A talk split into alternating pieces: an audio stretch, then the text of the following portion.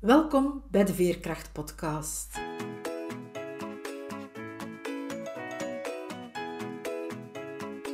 Ik ben Veerle Schaltien, levensverhalen en schrijfcoach. Met mijn bedrijf Wiebelwoorden trek ik voluit de kaart van veerkracht. Voor deze podcastreeks interview ik veerkrachtige vrouwen. Het zijn vrouwen zoals jij en ik, die soms wel eens het hoofd laten hangen maar die er vooral telkens opnieuw in slagen weer overeind te krabbelen. Die telkens opnieuw de moed hebben om door te gaan. Die ondanks alles ten volle in het leven staan en elke dag waardevol weten te maken. Hoe ze dat doen, vertellen ze je heel openhartig. Luister, snoep van hun woorden en laat je inspireren door hun verhalen. Want als zij het kunnen, kan jij het ook. Dag Inge, welkom bij onze Veerkracht-podcast. Ja, ik heb een aantal jaren geleden mijn eigen levensverhaal geschreven en dat eindigde met de woorden: Ik wil voortaan in mijn eigen schoenen staan. En ik heb dat toen heel letterlijk genomen. Ik wilde een pelgrimstocht doen naar Compostela. Maar ik had daar helemaal geen ervaring mee. Ik ben dan ja, op internet van alles daarover gaan opzoeken. En toen kwam ik op de website van Vrouwkracht terecht, jouw website. En ja, die naam vrouwkracht, dat triggerde mij. Uh, we hebben het nu ook over veerkracht, dus ik vind in die naam zit ook al een stuk veerkracht in. En ja, dan ben ik jouw website gaan uitpluizen en uiteindelijk dan samen met jou en een andere groep vrouwen op stap gegaan naar Compostela. Is nu denk ik twee jaar geleden al, hè? bijna. Ja, dat is ja, 2019. Hè? Ja, ja. ja, de laatste tocht die ik heb uh, kunnen doen ook. Hè? Ah, want vorig jaar is het, is het niet doorgegaan, hè? Het laatste jaar, want ja. er zijn daarna nog wel een paar tochten geweest, toch? Hè? Ja, ja, klopt. Ja. Maar misschien kan jij jezelf nog eens uitgebreider voorstellen? Dat is goed, uh, dank u wel. Eerst en vooral heel fijn hè, dat ik uh, bij jou in jouw Veerkracht podcast mag zitten. Uh, ja, wie ben ik? Je hebt het al verteld. Ik doe, ik doe pelgrimstochten naar Santiago de Compostela. En dat doe ik niet zomaar. Dat doe ik om vrouwen te ondersteunen om in hun, in hun kracht te staan, om te ontdekken waar dat ze blij van worden. Om um, ja, ook een stuk zichzelf, hun eigen weg te vinden. Hè. Zoals dat jij zei, hè, ik, ga terug, ik wil terug in mijn eigen schoenen staan. Vrouwen helpen om te ontdekken waar dat ze blij van worden, wat dat hun richting is, wat dat hun weg is die ze, die ze willen stappen. En dat doe ik dus ja, letterlijk, hè, door, door op stap te gaan, niet alleen naar Santiago de Compostela, maar ook naar uh, Marokko, het Atlasgebergte, woestijntochten. Dus altijd tochten waarbij dat je letterlijk uit je dagelijkse omgeving stapt om zo een keer helemaal los te zijn en tijd te kunnen nemen om nieuwe inzichten op te doen in, in de natuur. En ja, we weten allemaal dat de natuur, we hebben dat vorig jaar wel ten, tot in de treuren mogen, mogen lezen overal. En hoe belangrijk en hoe goed dat de natuur doet. Ja, ik kan dat natuurlijk alleen maar beamen. Hè. Ja. We hebben dat mogen lezen, maar ik denk dat ondertussen veel mensen dat gewoon ook echt er, kunnen ervaren hebben. Omdat een hele hoop mensen zijn toch veel meer naar buiten gegaan dan alle andere jaren. Hè? Ja, absoluut. Ja, ja. Ja, en je ziet het ook aan de, aan de opmars van de, ja, van de GR-tochten. Als je gaat wandelen op zondag, ja, dan, dan, dan is het bijna overvol. Hè? Dus, dus mensen zijn echt wel gaan ervaren hoe, dat, ja, hoe, hoe zalig dat het is om in de natuur te zijn. Ja. ja. Dat neemt niet weg dat het toch voor veel mensen een heel moeilijk jaar geweest is. En uh, ook voor jou, ja, jouw tochten die konden niet meer doorgaan zoals je gewoon was van die te laten doorgaan. Hoe ben je daar eigenlijk mee omgegaan? Wel, dat is, ik, ik moet heel eerlijk zijn, dat is moeilijk geweest. En dat is met momenten is dat nog moeilijk, omdat er nog steeds niet zo heel veel perspectief is. En ik weet dat ik in, in het allereerste begin ja, zat ik zo wat in een ontkenningsfase. En ik weet dat ik naar mijn klanten uh, stuurde, goh, we gaan, eh, we gaan even moeten uitstellen, maar ja, binnen een maand zal het wel voorbij zijn. Zat ik, ik weet nog dat dat een van de eerste mails was die ik, die ik stuurde naar de mensen die met mij meegingen. En ik heb er achteraf eigenlijk wel mee moeten lachen. dat dat dan dus helemaal geen maand zou duren. Maar ik zat die eerste maand ben ik, ben ik... Ik zag heel veel mensen rondom mij allemaal met online beginnen. En ik voelde aan alles... Nee, het gaat niet, het gaat niet. En we hebben het geluk gehad dat het heel mooi weer was. En ik heb op een bepaald moment tegen mezelf gezegd... Goh, Inge, of dat je nu hier aan die bureau zit en toch niks kunt uitvoeren, of je gaat maar in de tuin in de zon liggen. De wereld gaat niet, gaat niet veranderen op die week of die twee weken dat jij in de zon gaat liggen. Dus ik heb echt effectief, ik ben, uh, ik heb, ik heb boeken, uh, ben boeken gaan kopen, want de bieb was ook niet open. Dus ik, uh, ik lees heel erg graag. Dus ik ben gewoon boeken gaan kopen om te zorgen dat ik, dat ik dingen had om te lezen, om in de tuin te, te in de zon te liggen. Niet dat ik zo'n zonneklopper ben, maar gewoon dat, ja, een manier zoeken om, ja, om, daar, om daar in eerste instantie mee om te gaan. Maar ja, het bleef natuurlijk duren. Hè. Dat, was dus echt niet opgelost met, met een maand. En ja, ik probeerde toch wel mezelf te triggeren om, om iets online te gaan doen.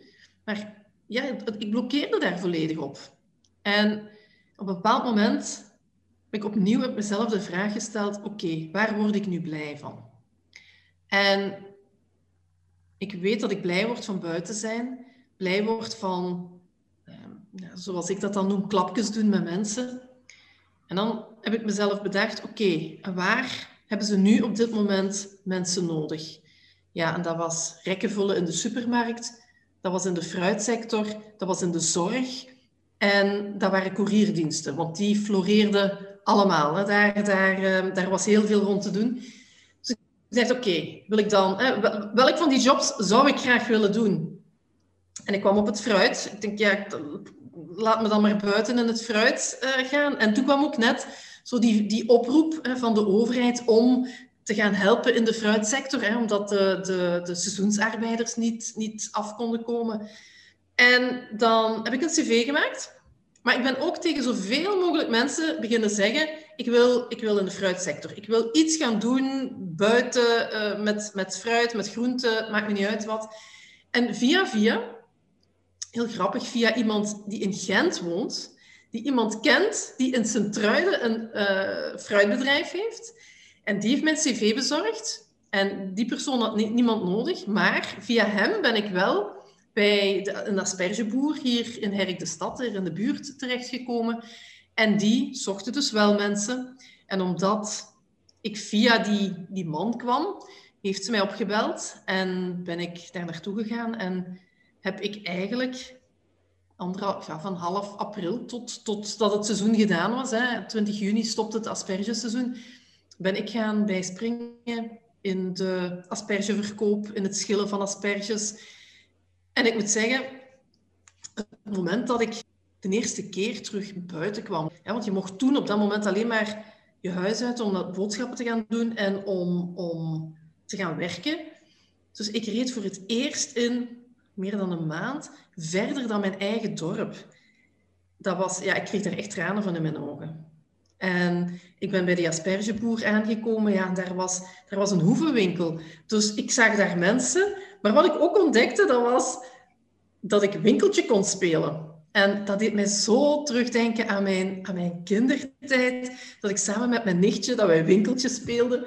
Dus ja, ook het, het kind in mij werd daar ook gewoon heel erg blij van. En dan, dan ja, mag het ietsje meer zijn. En ik heb daar echt zo ongelooflijk hard van genoten. Dat was natuurlijk fysieke arbeid, hè, want ik, ik, ik, heb daar soms 200 kilo asperges op een dag door mijn handen uh, zien gaan. Dus, dus s'avonds was ik ook kapot. Maar ik had wel weer terug een doel. Ik had iets... Ja, ik had een aantal dingen waar ik echt blij van werd. En dat heeft mij ongelooflijk geholpen toen in die eerste periode. Ja. Um, is dat voor jou dan ook veerkracht? Zo die dingen doen waar dat je blij van wordt? Ja, ja dat, is, dat is zeker een onderdeel daarvan. Ik, sowieso, hè, zoals ik jou vertel, ik word heel blij van reizen. Maar ja, dat kon toen niet. Dus als, als ik daarop had blijven vasthangen, dan had ik, was ik waarschijnlijk onderuit gegaan. Want dan blijf je vasthouden aan iets waar, dat je, waar dat je geen, geen invloed op hebt. Want ja, het mocht gewoon niet.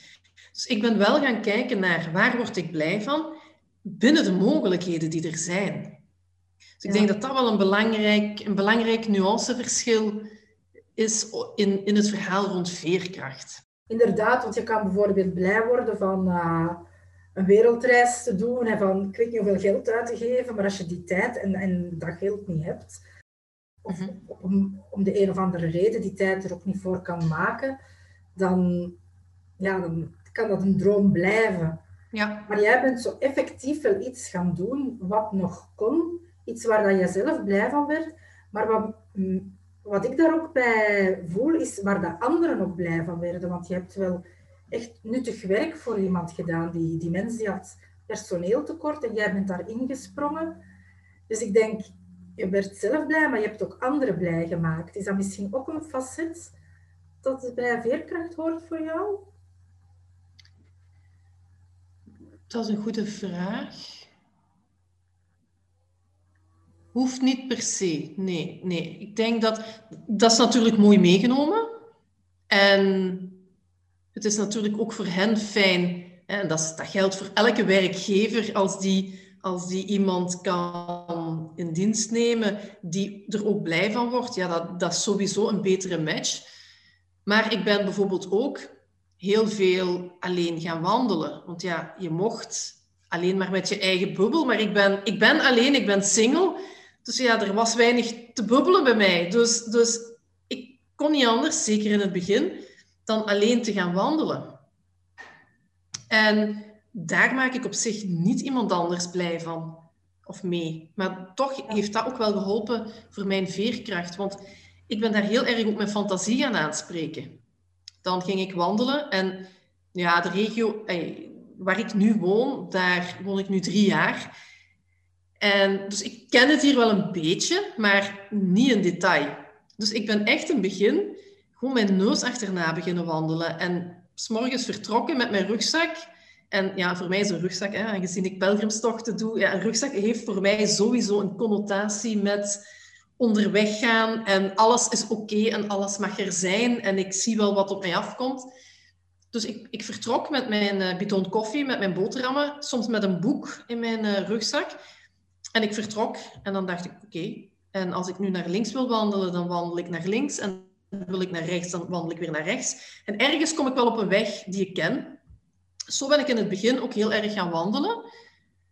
En ik merkte dat ik dan op bepaalde momenten, dat ik dan echt zo in een, in een... Dan ging ik reizen, want dan zag ik een landschap waarvan ik dacht, oh, dat is net Lapland. Of een stukje verder stonden alpaca's en dan dacht ik, oh, nu ben ik in Peru bij de alpaca's. Dus op die manier ging ik dan toch weer zo, datgene wat voor mij heel erg belangrijk is, namelijk dat reizen, dat ontdekken, ging ik dat ook in mijn, in mijn activiteiten die wel mogelijk waren invoeren. Ja. Dus, dus daar werd op zich niet iemand anders blij van. Nee, dat klopt, ja. Dus het gaat echt vooral om dingen doen waar je zelf blij van wordt. Ja, je fantasie daarbij gebruiken, maar altijd binnen een kader, denk ik. En niet zo eindeloos blijven fantaseren zonder dingen waar te kunnen maken, maar echt ja, naar je kern gaan en het stukje dat je niet hebt in jouw huidige situatie brengen. Ja, ja. dus eigenlijk misschien, eh, nu dat we daar zo over praten, is het misschien, zijn het twee vragen. Waar word ik blij van? En op welke manier kan ik dat nu realiseren?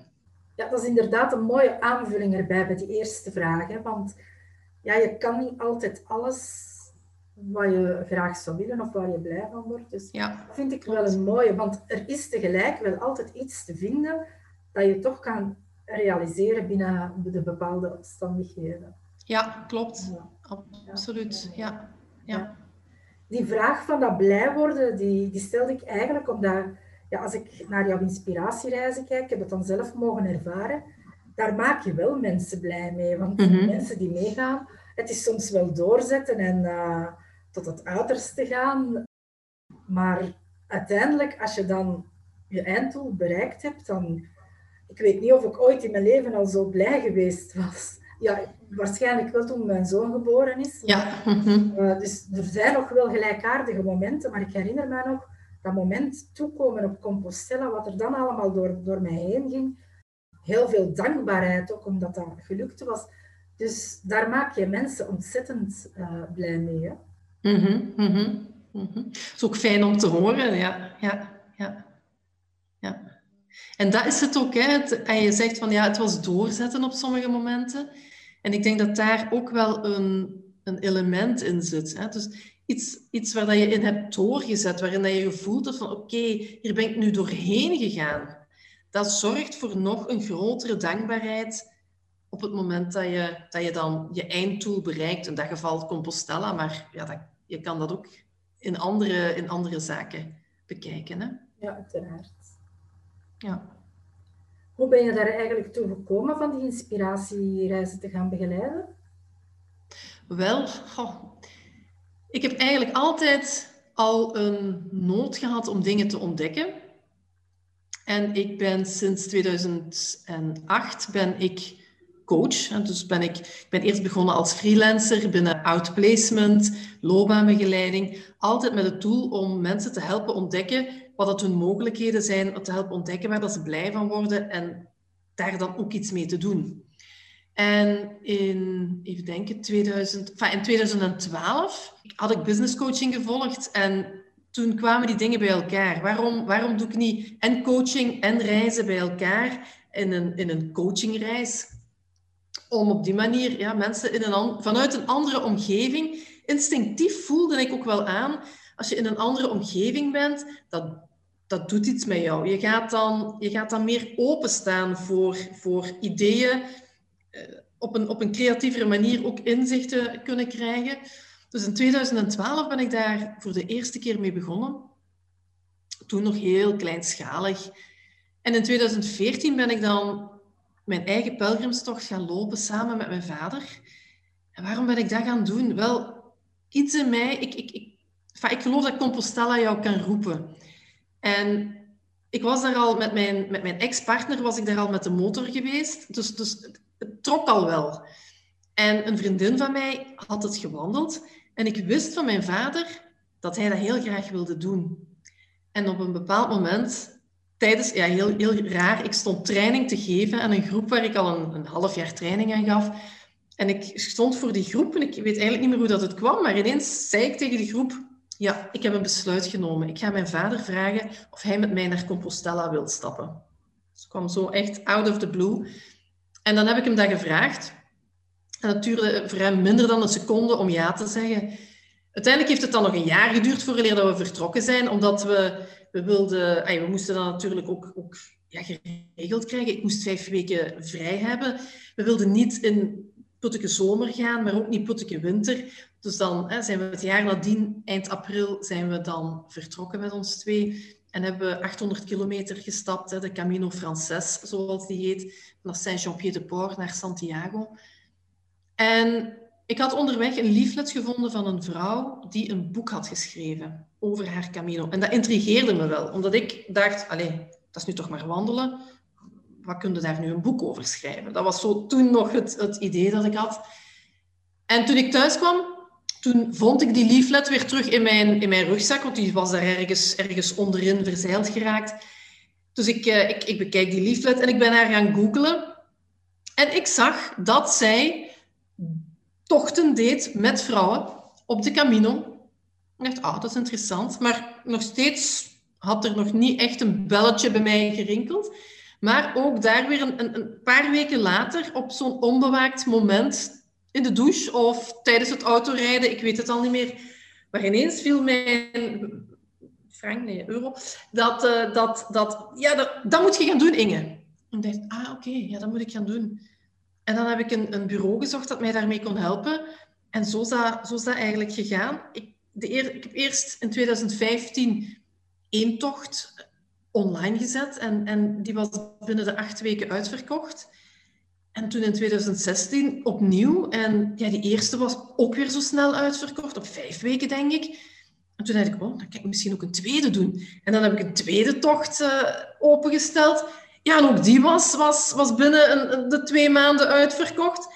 Ik denk, oh, wauw. Ja. Dus allee, dat, was, dat was heel bijzonder. En zo is dat eigenlijk verder gaan groeien. En dan ben ik ook andere landen erbij gaan, gaan doen.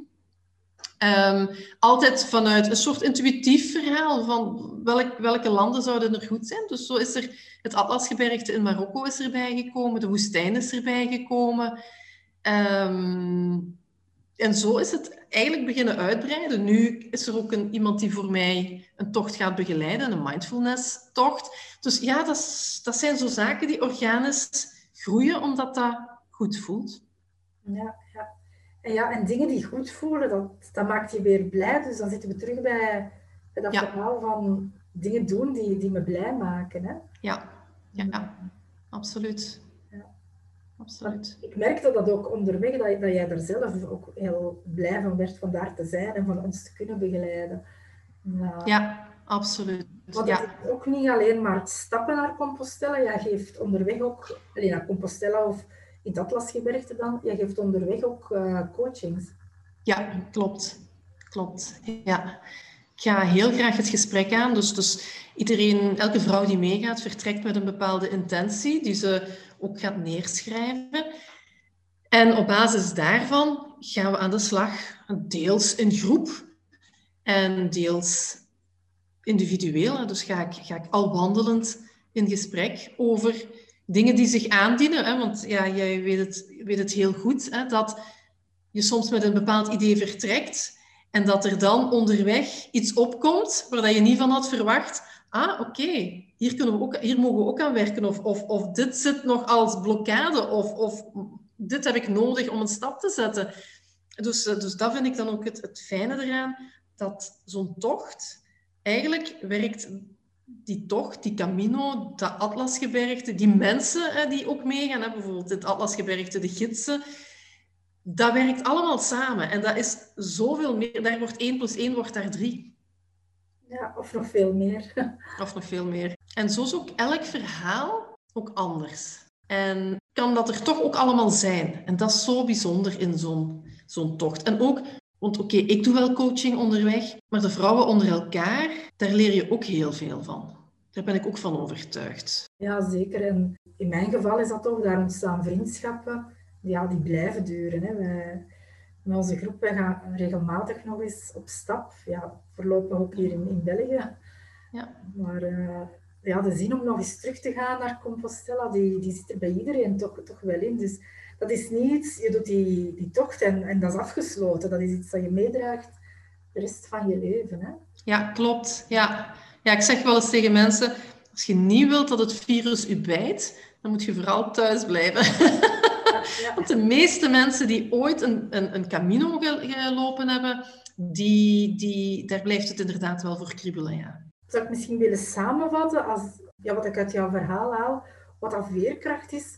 Je dingen doen die je blij maken binnen het kader van wat dan mogelijk is. Dus altijd opnieuw gaan denken van wat kan nu? En toch ook die verbinding met de natuur, het, onderweg zijn, dat, dat kwam er toch ook wel heel erg uit van ja, dat dat bijdraagt aan de veerkracht. Ja, ja, ja, absoluut.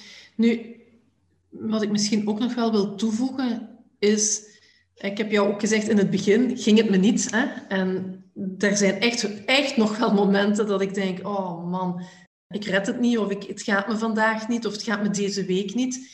Want ja, mijn situatie is natuurlijk wel zo dat ik, dat ik alleen ben en dat ik van thuis uit moet werken. Dus, dus dat ik vaak gewoon niemand zie. Maar af en toe, wat ik in het begin ook gedaan heb, is in de tuin gaan, gaan liggen met een boek of met boeken. En proberen op die manier te genieten. Maar dat was eigenlijk ook om te zeggen tegen mezelf: het is oké dat je je nu niet goed voelt. En ik denk dat dat ook wel belangrijk is, want altijd krampachtig proberen te fixen en op te lossen, ik denk dat dat ook niet kan. Maar je kan wel, ik geloof wel in, in binnen het ik voel me niet goed, gaan kijken naar wat zijn dan wel kleine dingetjes die me blij maken en die toch te gaan doen om het afglijden in ja, op de zetel liggen en er niet meer uitkomen, bij wijze van spreken, om dat tegen te gaan.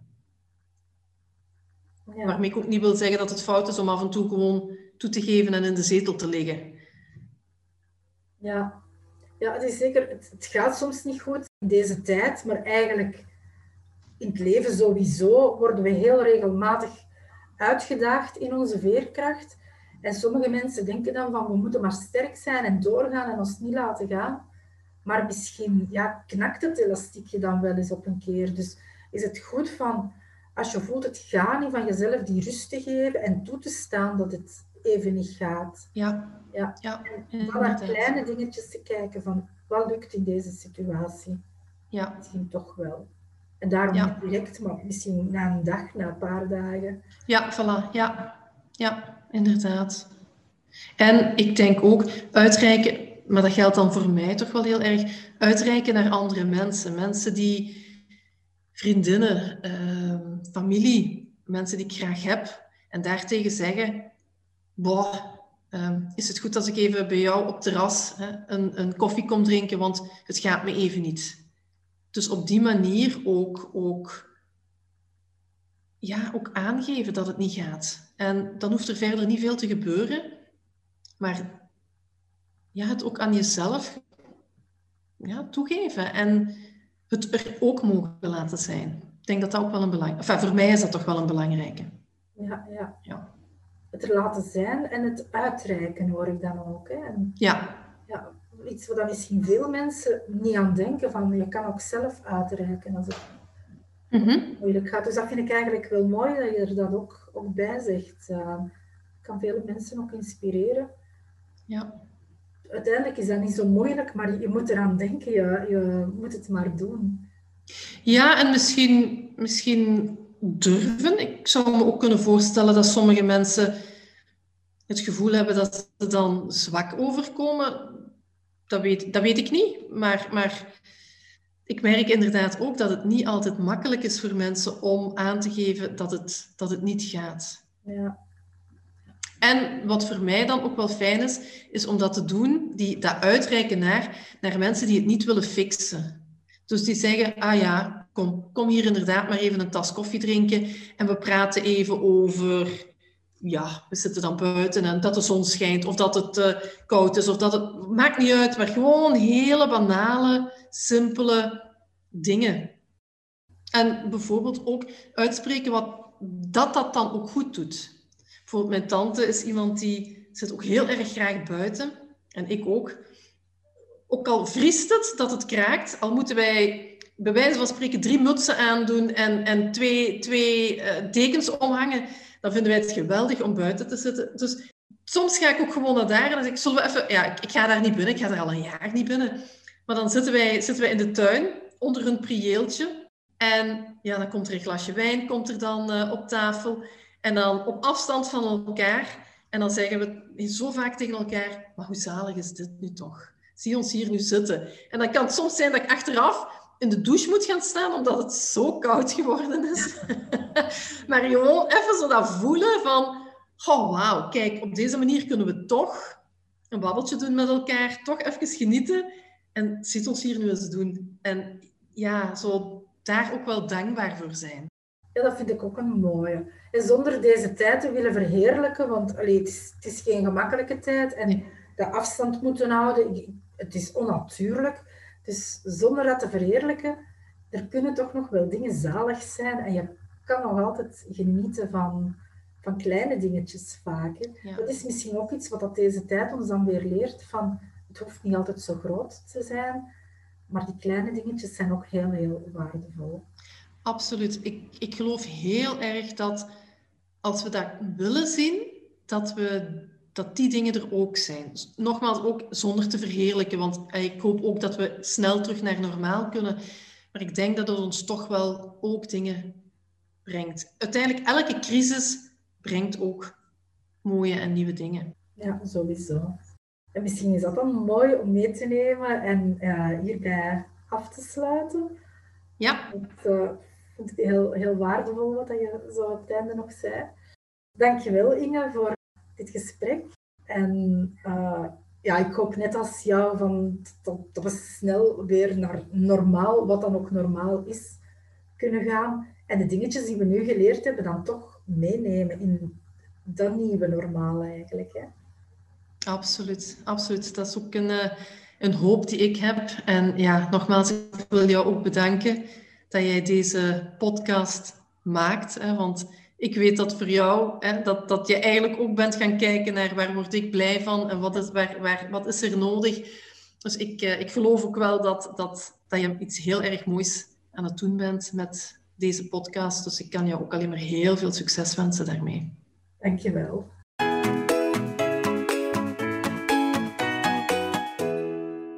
Heb je zelf het gevoel soms veerkracht te missen of weet je niet hoe je de veerkracht die in je zit kan oproepen? Dan is het nieuwe Bibelwoorden traject Je verhaal als bron van veerkracht iets voor jou. Zes weken lang komen we één keer per week samen in een online cirkel. En tussenin krijg je telkens een werkboek met creatieve oefeningen, visualisaties en opdrachten in de natuur. Er is een gesloten Facebookgroep waarin je dingen kan delen en waarin je ook feedback krijgt. En er is ook een individuele familieopstelling inbegrepen. We starten op 26 maart. Maar schrijf je in voor 8 maart, dan kan je meedoen aan een voordelige snelle beslissersprijs. En dan krijg je er nog een cadeautje bovenop. Alle info vind je op onze website en ik zet de link in de tekst die bij deze podcast hoort. Je luisterde naar de Veerkracht-podcast. Hartelijk dank hiervoor. Hopelijk heb je even erg van dit veerkrachtige verhaal genoten als ik. Laat je er zeker door inspireren. Ben je benieuwd naar het volgende interview? Of wil je niks van deze podcastreeks missen? Surf dan naar www.wiebelwoorden.be of abonneer je nu meteen gratis op deze podcast via Spotify of een andere podcast-app. De montage van deze podcast was in handen van Johannes Veremans.